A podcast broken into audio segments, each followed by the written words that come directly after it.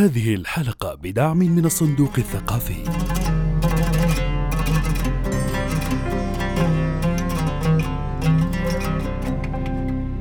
السلام عليكم ورحمة الله وبركاته. وحياكم الله جميعا أحبتنا الكرام مستمعينا الأعزاء في حلقة جديدة لبودكاست وكالة حرف الأدبية. ضيفنا في هذه الحلقة الأستاذ حاتم الشهري الوكيل الأدبي والرئيس التنفيذي لوكالة حرف الأدبية. أهلا وسهلا. يا مرحبا. حياك الله. يا مرحبا شكرا لك. العادة الناس تعودوا أنك أنت المقدم واليوم أنت الضيف. أه، والله الكرسي أه، طلع حار فعلا. هناك هناك أبرد. طيب أستاذ حاتم خلينا نبدأ بقصة يعني حلقتنا اللي تبدأ من المعاناة وهي تمر بلجان متعددة تصدر حكم ليدخل حيز التنفيذ ومن التدقيق المضني إلى الصف المعوج مرورا بالتصميم الداخلي وانتهاء بالغلاف إلى الوعود الحالمة بالتسويق لدى بعضهم بضياع الاستثمار والموت البطيء لنسبة المؤلف. هكذا للأسف هو حال الكتاب المرهق ومآل المؤلف المتعب. إلى أن باشرت هيئة الأدب والنشر والترجمة إن صحت العبارة بالإنقاذ عن طريق الوكيل الأدبي. لماذا الوكيل الأدبي أستاذ حاتم؟ خليني أحكي قصة لمؤلف عام 2006 حينما جاءت هجمة الدنمارك الأولى الاساءه عن النبي صلى الله عليه وسلم بحث في المكتبة عن كتاب يجمع فيه قصائد مدح للنبي ولكنه لم يجده. فقال بدل من أن ألعن الظلام لابد أن اشعل شمعة وبدأ في جمع كتاب قصائد عن النبي وجمعه في كتاب انتهى من الجمع تقريبا في متوسط 2007 نهاية 2007 وذهب من هذا الطريق المضني اللي ذكرته في البحث عن دار نشر مناسبة من أجل آه، نشر كتابه بعد بحث طويل ومرهق وصل إلى دار نشر وافقت على أن يكون الكتاب تبني بمعنى أن الدار هي التي تدفع تكاليف الكتاب. و اشترطت أن يدخل الكتاب ضمن الأعمال المنشورة خلال يعني في قبل الكتب وفي بعد الكتب. حلو. امسك الطابور. متى ما جاءك دورك راح ننشر كتابك. ففرح فرح عظيم يعني أنه الكتاب سينشر. آه تم نشر الكتاب عام 2009 هو دخل عندهم 2007 آه، سنتين. سنتين. قد انتهت آه، قصة الدنمارك. اعتذرت رجع السفير الدنماركي عندنا. ماتت القضية برمتها وخرج الكتاب في ذلك الوقت وكانت الدار متخصصة في الطبخ. والكتاب شعر وعن النبي. فتخيل حينما صدر الكتاب في كتاب جنب عن المهلبية عن الشوربة وكتاب عن الشعر. تلك كانت قصة كتابي الأول التي نشرت فيها الكتاب. فمن تلك اللحظة أيقنت أن هناك دور يجب أن يلعبه الوكيل الأدبي وإن كان آه، فكرة الوكيل الأدبي ليست مشهورة ومعروفة لدينا لكن كان أشبه بالوسيط. كنا نبحث عن وسطاء بين طرفين من أجل أن ينقذ ما يمكن إنقاذه في في دورة النشر ال- المؤلف لدينا مؤلف هو فقط يفهم الط- ال- ال- ال- الطريقة الإبداعية للكتابة ويجب ألا يتعدى دوره أكثر من ذلك. حتى لا يرهق نفسه يعني. وهو ما هو ملزوم أصلا إنه يفهم جميع الأمور القانونية والتفاوض. هو يجب أن ينصرف إلى العملية الإبداعية لماذا الوكيل الأدبي لأن الوكيل الأدبي هو أشبه بالمحامي والوسيط بين طرفين بين المؤلف والدار. وبين الدار. أو الجهات الأخرى سواء كان الجهات الأخرى كانت مسرح كانت مسلسل كانت قناة كانت كتاب صوتي رقمي إلى آخره طيب أستاذ حاتم إحنا كجمهور أو كمتذوقين ربما نتلمس يعني آه، إبداعات المؤلف يعني كيف لل يعني كيف يمكن للوكيل الأدبي أن يسهم في المشهد الثقافي؟ الوكيل الأدبي يسهم في المشهد الثقافي بغربلة هذا المشهد من خلال تقوية النصوص. وعدم قبول النصوص الضعيفة لأنه هو ابتداء يعرف ماذا تريد الدور النشر القوية فطريقة النشر المثالية التي نحن نبحث عنها كوكلاء أن المؤلف حينما فلنفترض أنه لم يشاركنا الكتاب منذ أن كان فكرة جاءنا الكتاب آه، وهو جاهز مثلا في ملف وورد يجي للوكيل الأدبي الوكيل الأدبي إذا كان وكيلا ادبيا أو منضم تحت وكالة يجب. أن يكون لديه لجنة قراءة تدرس الكتاب ترى معايبة آه، وترى آه، نقاط القوة ونقاط الضعف ثم ترجع بتقرير إلى هذا المؤلف وتخبره ب آه، مميزات هذا ال- ال- النص وتخبره بأنه يجب أن تفعل كذا وتترك كذا لا سيما إذا كان المؤلف يطلب دار معينة باسمها أنه أنا أبحث عن الدار الفلانية فالوكيل الأدبي الجيد يعرف معايير هذه الدار مم. فيجود النص ويقوي منه حتى يصبح كتابا جيدا يستطيع قابله للنشر. قابل للنشر. فالمساهمة مساهمة الوكيل الأدبي هي في تجويد النص أولا في حفظ الحقوق لجميع الأطراف لطرف المؤلف طرف الوكيل وطرف الدار. الثالثة في استقطاب الكتاب الجدد الشباب وزجهم في المشهد الثقافي فهذا أكبر ما يمكن أن يفعله الوكيل الأدبي في المشهد الثقافي. يعني الوكيل الأدبي نقدر نقول أنه يساهم مع الكاتب في تجويد نصوص الكاتب بينما الدار تأخذ ال- الملف الوورد صحة العبارة وتضعه في مراحلها الأخيرة إلى أن يكون على الرف. طبعا هذا إذا كان فيه آه، تفاهم مسبق بين الوكيل والدار من المفترض نعم أن تكون هكذا. لأنه الدار القوية الكبيرة لديها نظر أيضا ولديها لجنة أو من المفترض أن يكون لديها هكذا. ولكن إذا جاء الوكيل وقام بهذا الدور سهلت العملية على دار النشر. أيضا يساهم الوكيل الأدبي في المشهد الثقافي باق- باقتناص الدرر من الثقافات العالمية. كتاب حائز على جائزة. كتاب يظن الوكيل الادبي أنه في قادم الأيام سيحدث حراكا في المشهد الثقافي فيشتري حقوقه. الوكيل الادبي هو أشبه بكشاف مواهب محليا جميل. وخارجيا. يعني الوكيل الأدبي يعني يقوم بدور آه، كبير لو منح الفرصة.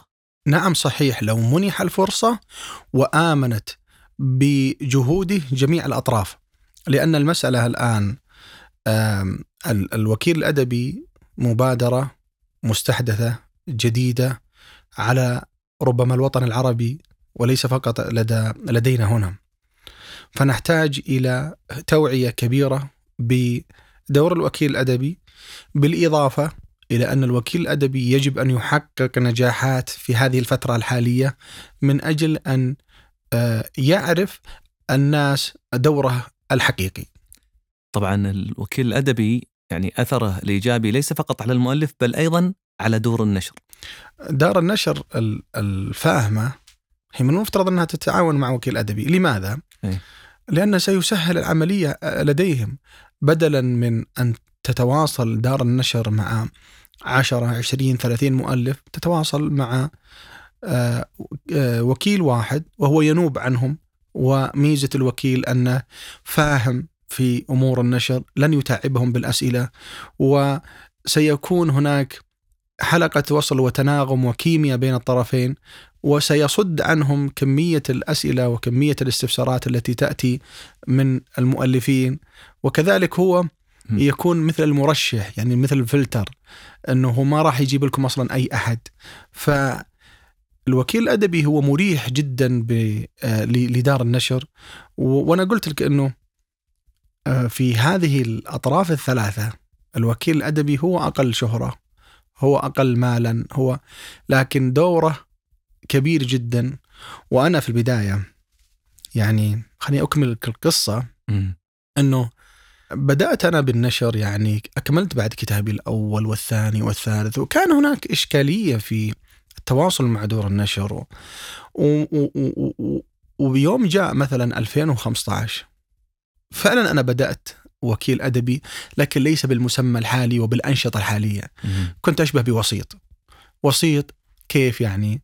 أنه بحكم خبرتي في المجال وأني نشيط ثقافيا وأزور المعارض فأصبحت وجه مألوف للدور المحلية والدور العربية والخليجية. ف آه، أي مؤلف مثلا يبغى حاجة أو كذا وأنا نشيط أيضا في مواقع التواصل. وإعلامي وكذا. فعرفت بهذا المجال المجال الثقافي. فأي واحد مثلا تبغى تألف كتاب روح الحاتم. أم، تبغى استشارة روح الحاتم. ما. فيجيني مؤلف أه، أنا أبغى دار نشر فأبحث عن دار نشر. مجانا. أم، ويعني كان هذا الأمر شغف. أي. نكمل؟ إيه. أبحث عن دار نشر. وكانت المسألة آه، مجانا. لأنه أنا مستمتع وأنا أعمل هذا العمل. ولم أكن أتخيل حقيقة انه هذا العمل الشغف أنه سيتحول مستقبلا إلى مهنة تدر مالا أو أنها مهنة ستكون بمقابل. كنت لما أخدم مؤلف أنا مبسوط أني أخدمه. مم. أخدمه لأني أريد فعلا أن تتحسن تجربته في التأليف لأني أنا مؤلف وأنا واقف معه في نفس آه، في, المعاناة. في نفس المعاناة وفي نفس ال- ال- ال- الخط. يعني فحينما يتحدث المؤلف هو منطلقات المؤلف من نفس منطلقاتي. ومؤلفاتي ليست قديمة. أقصد أنا مؤلف توني ناشر آه، قبل سنة ناشر السنة هذه. فأقصد أنا أعرف معنى أن تنشر كتابا، أعرف أن تكون كاتبا، أعرف التخوف من دور النشر فأشاطرك نفس ال- الهموم. فبدأت هذه ال- ال- المهمة من 2015 آه ثم بدأت هذه آه ال ال الوكيل الأدبي بدأت تت تتبلور تتبلور مم. ملامحها مع طول ال- ال- ال- الخدمة آم، 18 عام 19 عام 20 آه، دور النشر رفضت أن تتعامل معي كفرد بحكم أن حجم الأعمال كبر. وعدد العملاء كبروا كثر. اللي من طرفي فقالوا يجب أن تتحول إلى كيان حتى آه، نستطيع التعامل معك لأنه يعني حتى صارت في مبالغ وصارت في فكبر الأمر. وحينما كبر آه، يعني أعتقد أن تلك ال- ال- ال- الفترة كانت فترة آه، تجربة. ونضجت من خلال هذه التجربة. وخدمت كثير من المؤلفين. كان أغلبهم بدون مقابل. وإذا كان في مقابل فهو مقابل بسيط. مع أنها كانت تأخذ من وقتي الكثير. والجهات اللي تعاملت معها هم أقنعوني بأن انه حان الان لتت- لتتحول إلى إيه. جهة نعم. وحينما أردت أن أتحول إلى كيان وإلى جهة لم يكن التشريع قد صدر أصلا بوجود وكيل أدبي أو وكالة أدبية آه. ففتحت مؤسسة آه، للتدقيق تدقيق الكتب والمنشورات كانت هي أقرب نشاط أستطيع أني أمارس فيه دور الوكيل آه، بشكل قانوني ككيان. طيب هنا ممكن نجي إلى تساؤل إحنا ذكرنا كلمة وكيل كثير ما الفرق بين الوكيل والوكالة الأدبية؟ أحسنت الوكالة الأدبية عادة تكون جهة يكون تحتها أقسام مم. للتدقيق والتنسيق والصف والصف والإخراج وتصميم الغلاف وغيرها يكون قسم خاص للترجمة وشراء الحقوق وغيرها. ويكون تحت الوكالة وكلاء أدبيين متخصصين في عدة تخصصات. هذا وكيل في أدب الطفل هذا وكيل للروايات آه، آه، الخيال العلمي هذا وكيل للكتب العلمية هذا وكيل للدوريات وخلافها. وقد يكون أن هذا الوكيل آه، لا يكون موظفا لدى الوكالة. ال- مستقطب. مستقطب ويكون يعني بالعمولة.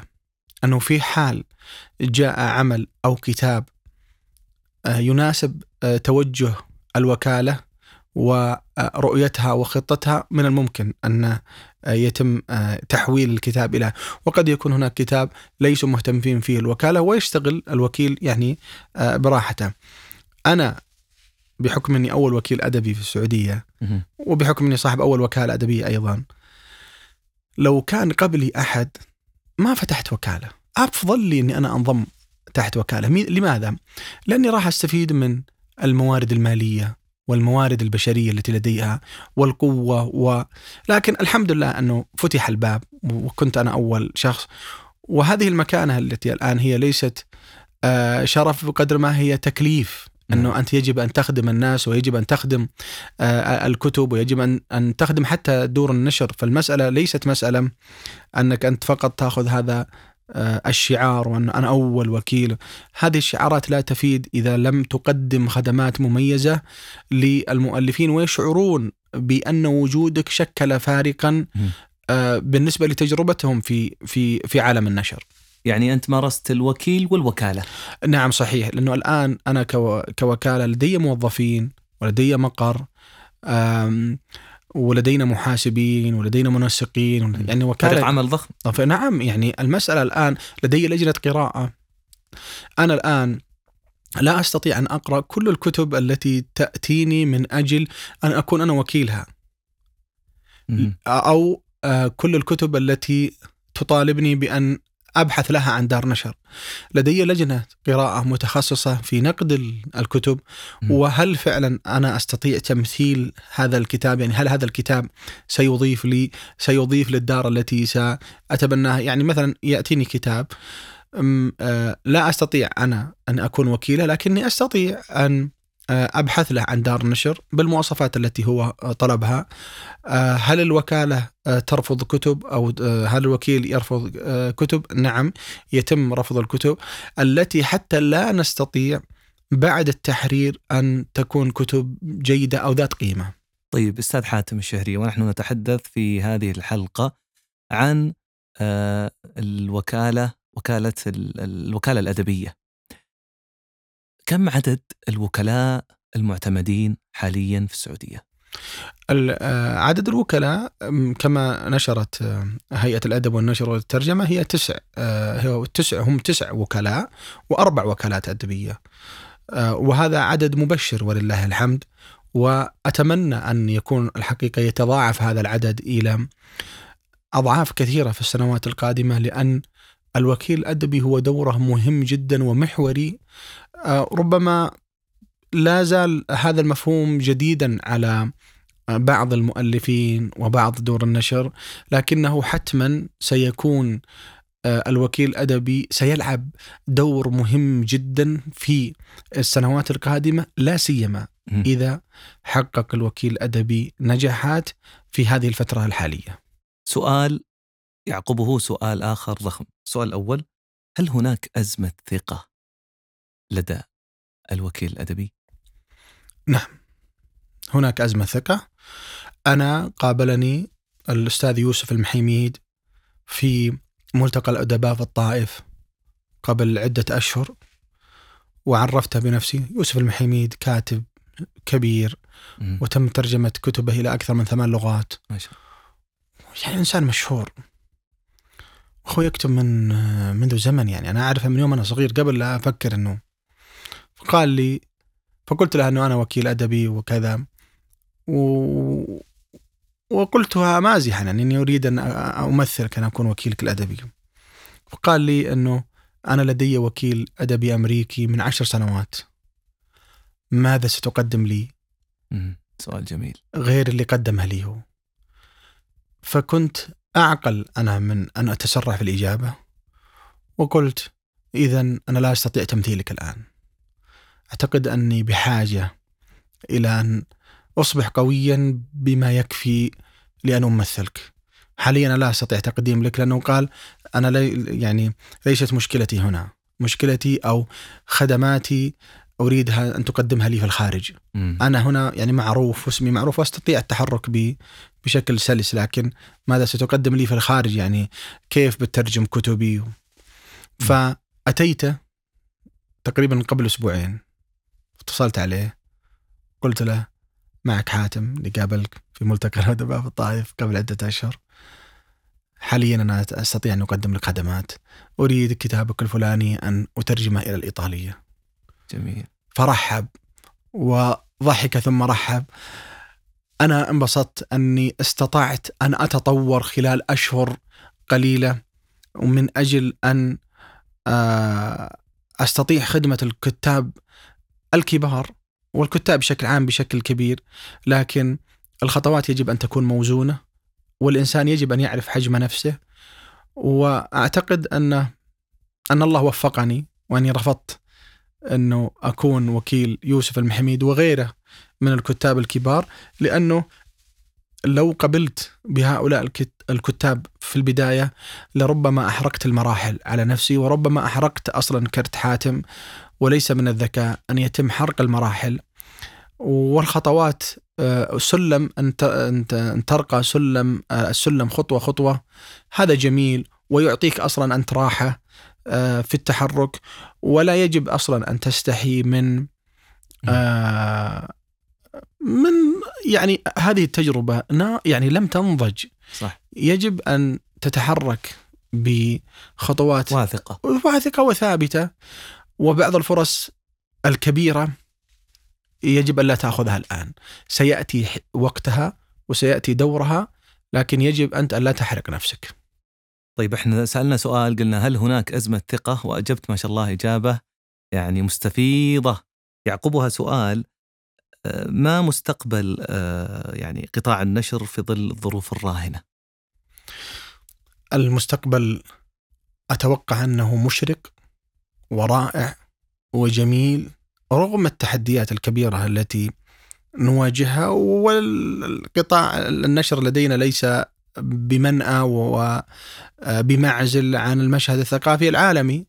أعتقد أن ليس لدينا مشاكل محلية خاصة بنا وإنما هي مشاكل عالمية تخص قطاع النشر بشكل كبير ولكن أعتقد بوجود آه، وزارة الثقافه ممثله بهيئة الأدب والنشر والترجمة هي ستذلل كل الصعاب والتحديات الموجودة والمستقبل أراه باهر ليس ورديا. عشان أكون صادق لكنه أفضل بكثير آه، مما نعيشه مما نعيشه الآن اسمح لي أستاذ حاتم يعني مضى الوقت معك سريعا فاصل قصير ثم نعود مرة أخرى لمتابعة آه، هذه الحلقة من بودكاست وكالة حرف الأدبية.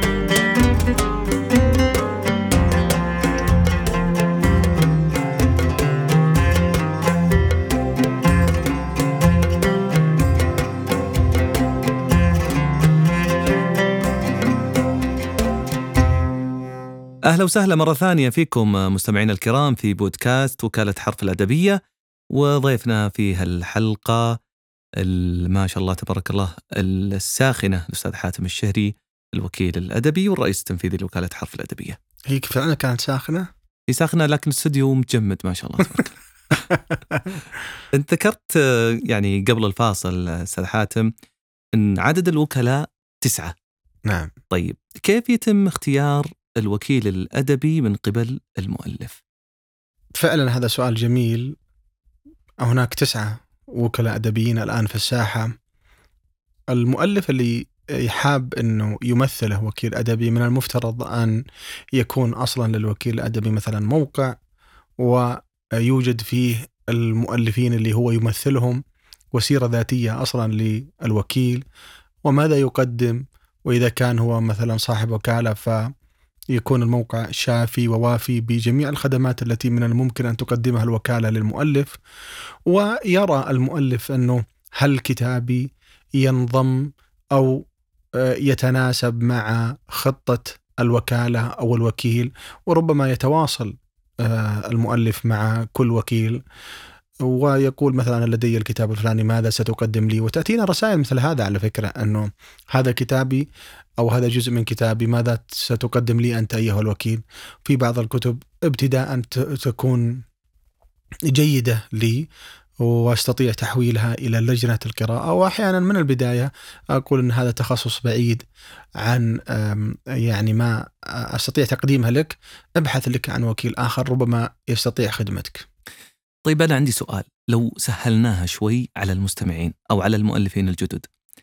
أنا الآن مؤلف جديد وأعرف دور نشر مميزة.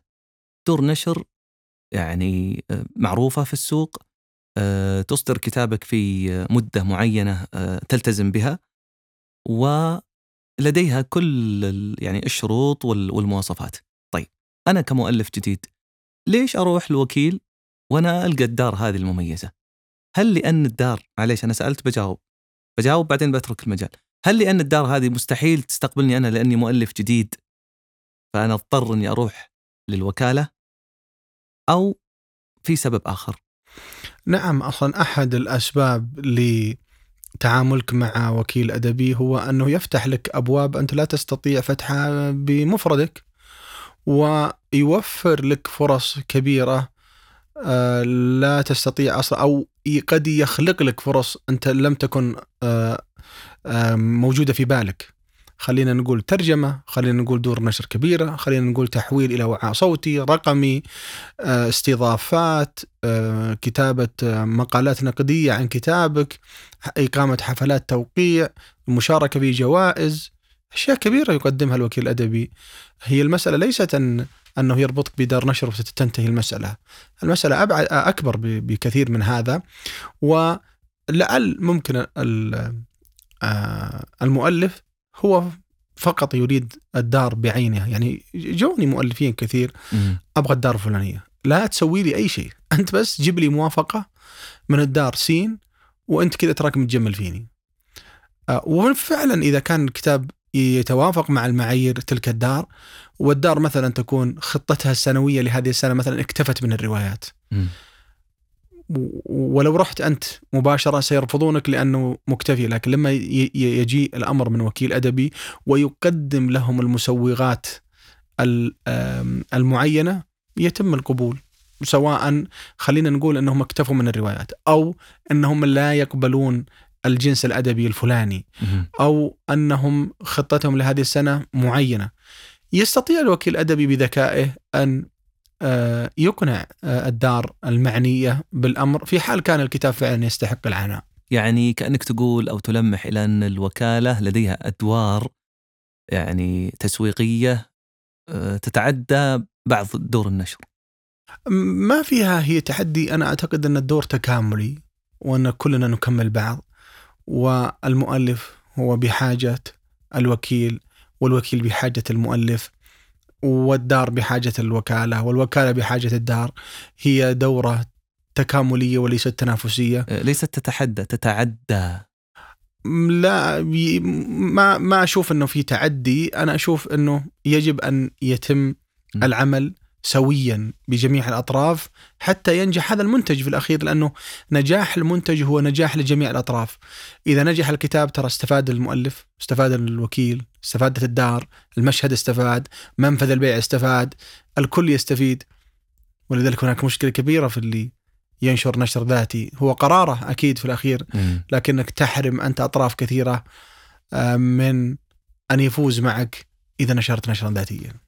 طيب أنا عندي سؤال الآن أريد أن تهمس في آذان المؤلفين والمؤلفات والدور ماذا تود الوكالة أن تقدم خليني أهمس في إذن المؤلف أول شيء. تفضل. لأنه هو هو هو صاحب الحق في البداية وهو صاحب المنتج يعني المصنف.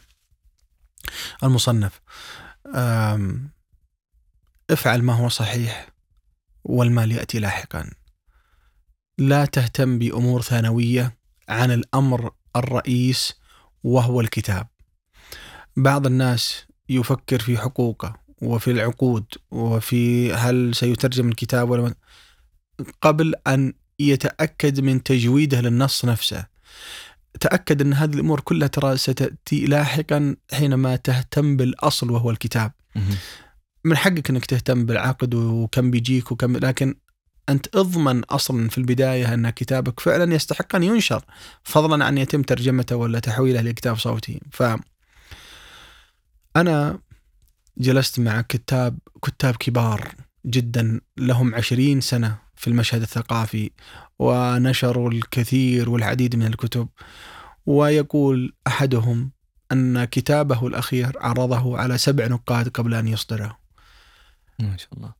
لما أسمع مثل هذا الكلام أحلم لماذا هو مميز ولماذا هو فارق عن غيره. لأن رغم خبرته ورغم الجوائز ورغم إلا أنه يتلمس النصح والنقد من الآخرين لا, خ... لا لا نقول نصح خلينا نقول أنه ليتأكد أنه لا زال على المسار الصحيح. بينما كثير من الكتاب الشباب متحمس. متحمس ويستأنف من من النقد وحتى لا يريد المحرر وعلى فكرة وظيفة المحرر هي وظيفة كبيرة ومهمة ولدينا حن يعني لعل أنشط قسم لدينا في الوكالة هو قسم التحرير. لأن مؤمنين جدا بأن الكتاب الجيد يجب أن يتم العمل عليه من قبل محرر وليس مدقق. المدقق سيتم العمل عليه عندنا ولا عند دار النشر. لكن المحرر هو حجر أساس في عملية أي كتاب جيد، لا أعرف كتابا جيدا لم يكن هناك له محرر، سواء عندنا أو عند الغرب. المحرر هو الذي سيقودك فعلا إلى النجاح بعد الله إذا أنت أردت التميز فعلا. م. فالذي أريد أن أهمسه في إذن كل كاتب الإنسان ضعيف لوحده قوي بأخيه. يجب أن تؤمن بأن الشراكة هي التي تستطيع نقلك من مرحلة إلى مرحلة.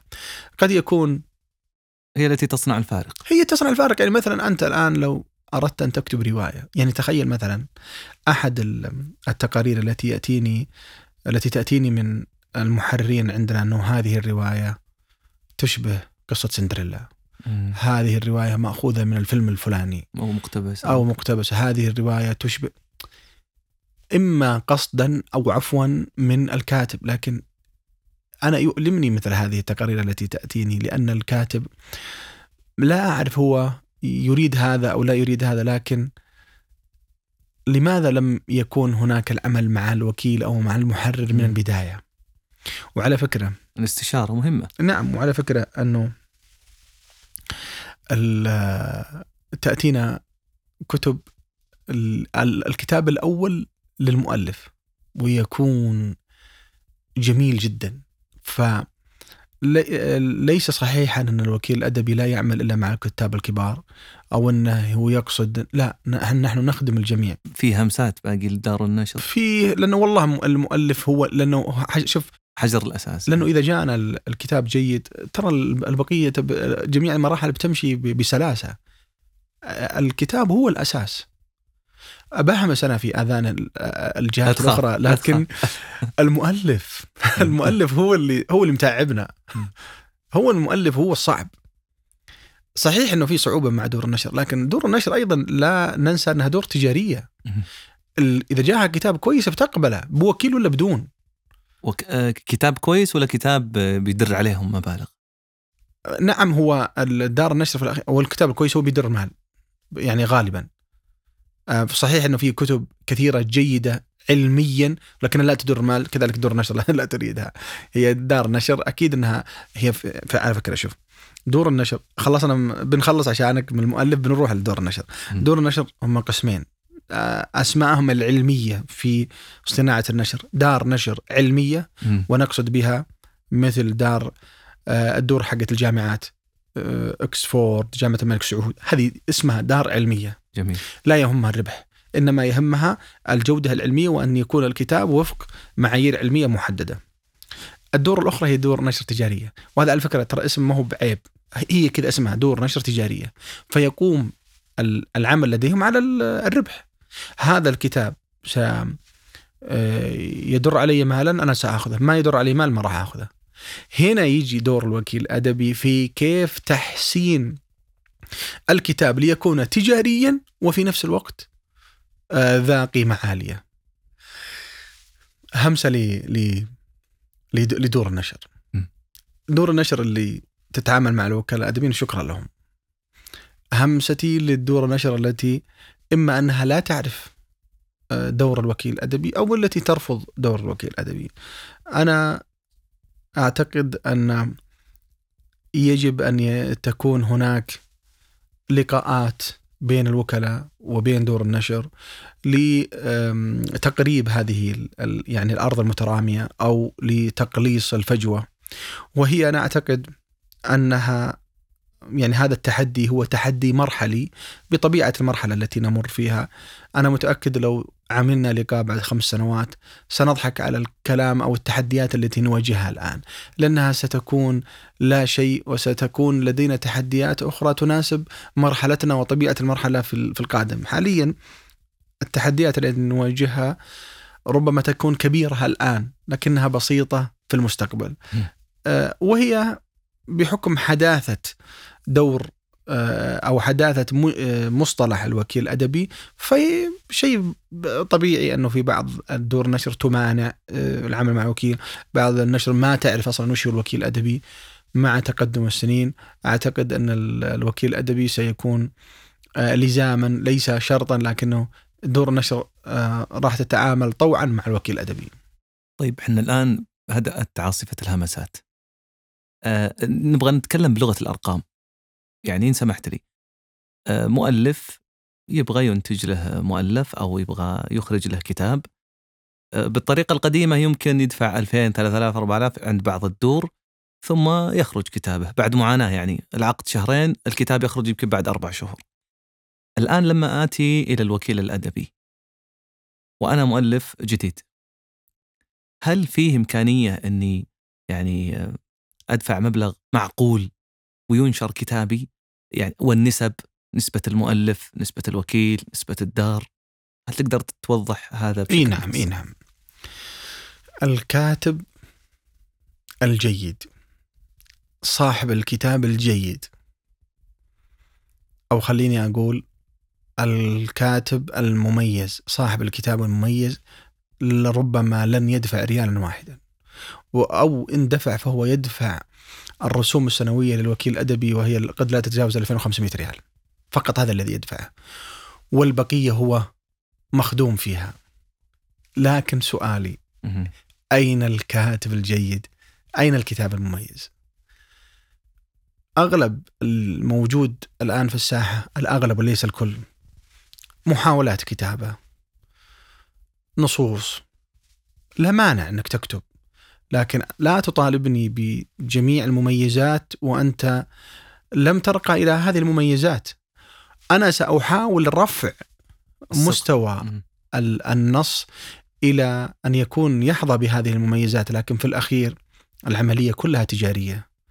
لا مانع أن يكون فيها نوع من الخدمة الاجتماعية والثقافية لكن في الأخير هذا بزنس. إذا هذا الكتاب لم ينهض بنفسه ولا تحرير ولا وكيل ولا ما لا نستطيع خدمتك. يعني اخدمني عشان أخدمك.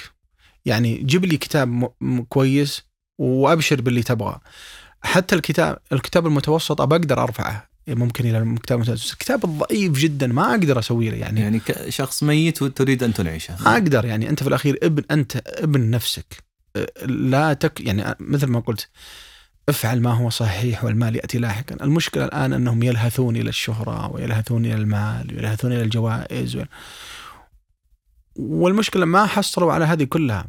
يعني المسألة نحن بحاجة و- وموجودة. يعني على فكرة ترى في دور في مدرسة الآن فازت اسمها مدرسة الكتاب. يهيئون الكاتب ويعدونه ولديهم خطة آه، تدريبية لمدة ثلاثة أشهر، بعدين حتى عندنا دور مميزه دار تروي وغيرها يهتمون بصناعة الكاتب لا بصناعه الكتاب، يهيئون الكاتب نفسه. ف و- واصلا لما نعود إلى الكتاب المميزين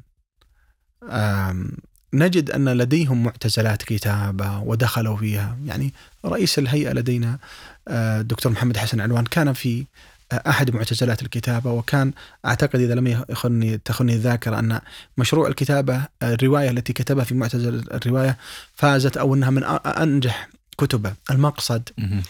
أن كل الكتاب الكبار يشتغلون على أنفسهم وهو لم يصبح كاتبا كبيرا آه، من أول كتاب ولا من أول خطوة وإنما تخمرت التجربة لديهم حتى وصلوا إلى ما وصلوا إليه ولذلك إذا أردت كامل المميزات افعل ما تستحق هذه المميزات طيب أستاذ حاتم يعني أنت ربما أجبت بإجابة مستفيضة لكن ما تحدثنا بشكل دقيق عن توزيع النسب بين الوكالة بين المؤلف والدار. هو شوف غالبا الوكيل أو الوكالة ما يأخذ أكثر من 10 إلى 15% من صافي الأرباح. والن- والنسبة بين المؤلف ودار النشر عاد هذه ما نقدر نحكمها لانها على طبيعة آه، التعاقد وعلى طبيعة كل دار. وهذا ترى على المؤلف. ترى إذا جينا إلى الكتاب المترجم آه، ترى هذا قصة أخرى لأنه ترى المترجم يدخل حتى في في النسب. وحتى يدخل في في الجوائز لأنه لابد أن نعلم أن هناك جوائز تمنح للمترجم فقط ولا يأخذ الكاتب ولا دار النشر ولا ريالا واحدا. عجيب. نعم لأنه تكون الجائزة مصممة للمترجمين فقط ويتم النص هذا عليها في العقود. للكتب المترجمة يعني مع بعض الكتب الكبيرة التي يتوقع آه، أن يتم آه، الفوز بها في جوائز فيتم النص على أنه في حال فاز الكتاب على آه، جوائز يحددون هذا أنه النصيب الوكيل من من ماذا؟ هل يعني مثلا دار نشر تقول ترى فيه جائزة بتروح للمترجم مثلا يكتب في العقد مثلا أنه للطرف الأول خلينا نقول ان الطرف الأول نفترض إنه الوكالة أو الوكيل للطرف الأول 10% في حال فاز الكتاب بجائزة. فيقول لك دار النشر لا ما تكتب العقد كذا لأنه أنا ممكن يفوز الكتاب بجائزة ولكن تكون الجائزة مخصصة للمترجم فقط. للطرف الأول 10% من قيمة الجائزة التي وصل التي أو المبلغ التي وصل إليها دار النشر يعني اللي المبلغ اللي وصل لدار النشر. لكن أنتم الآن تقول نسبتكم من 10 إلى 15% نعم هذا هذا للوكيل نعم.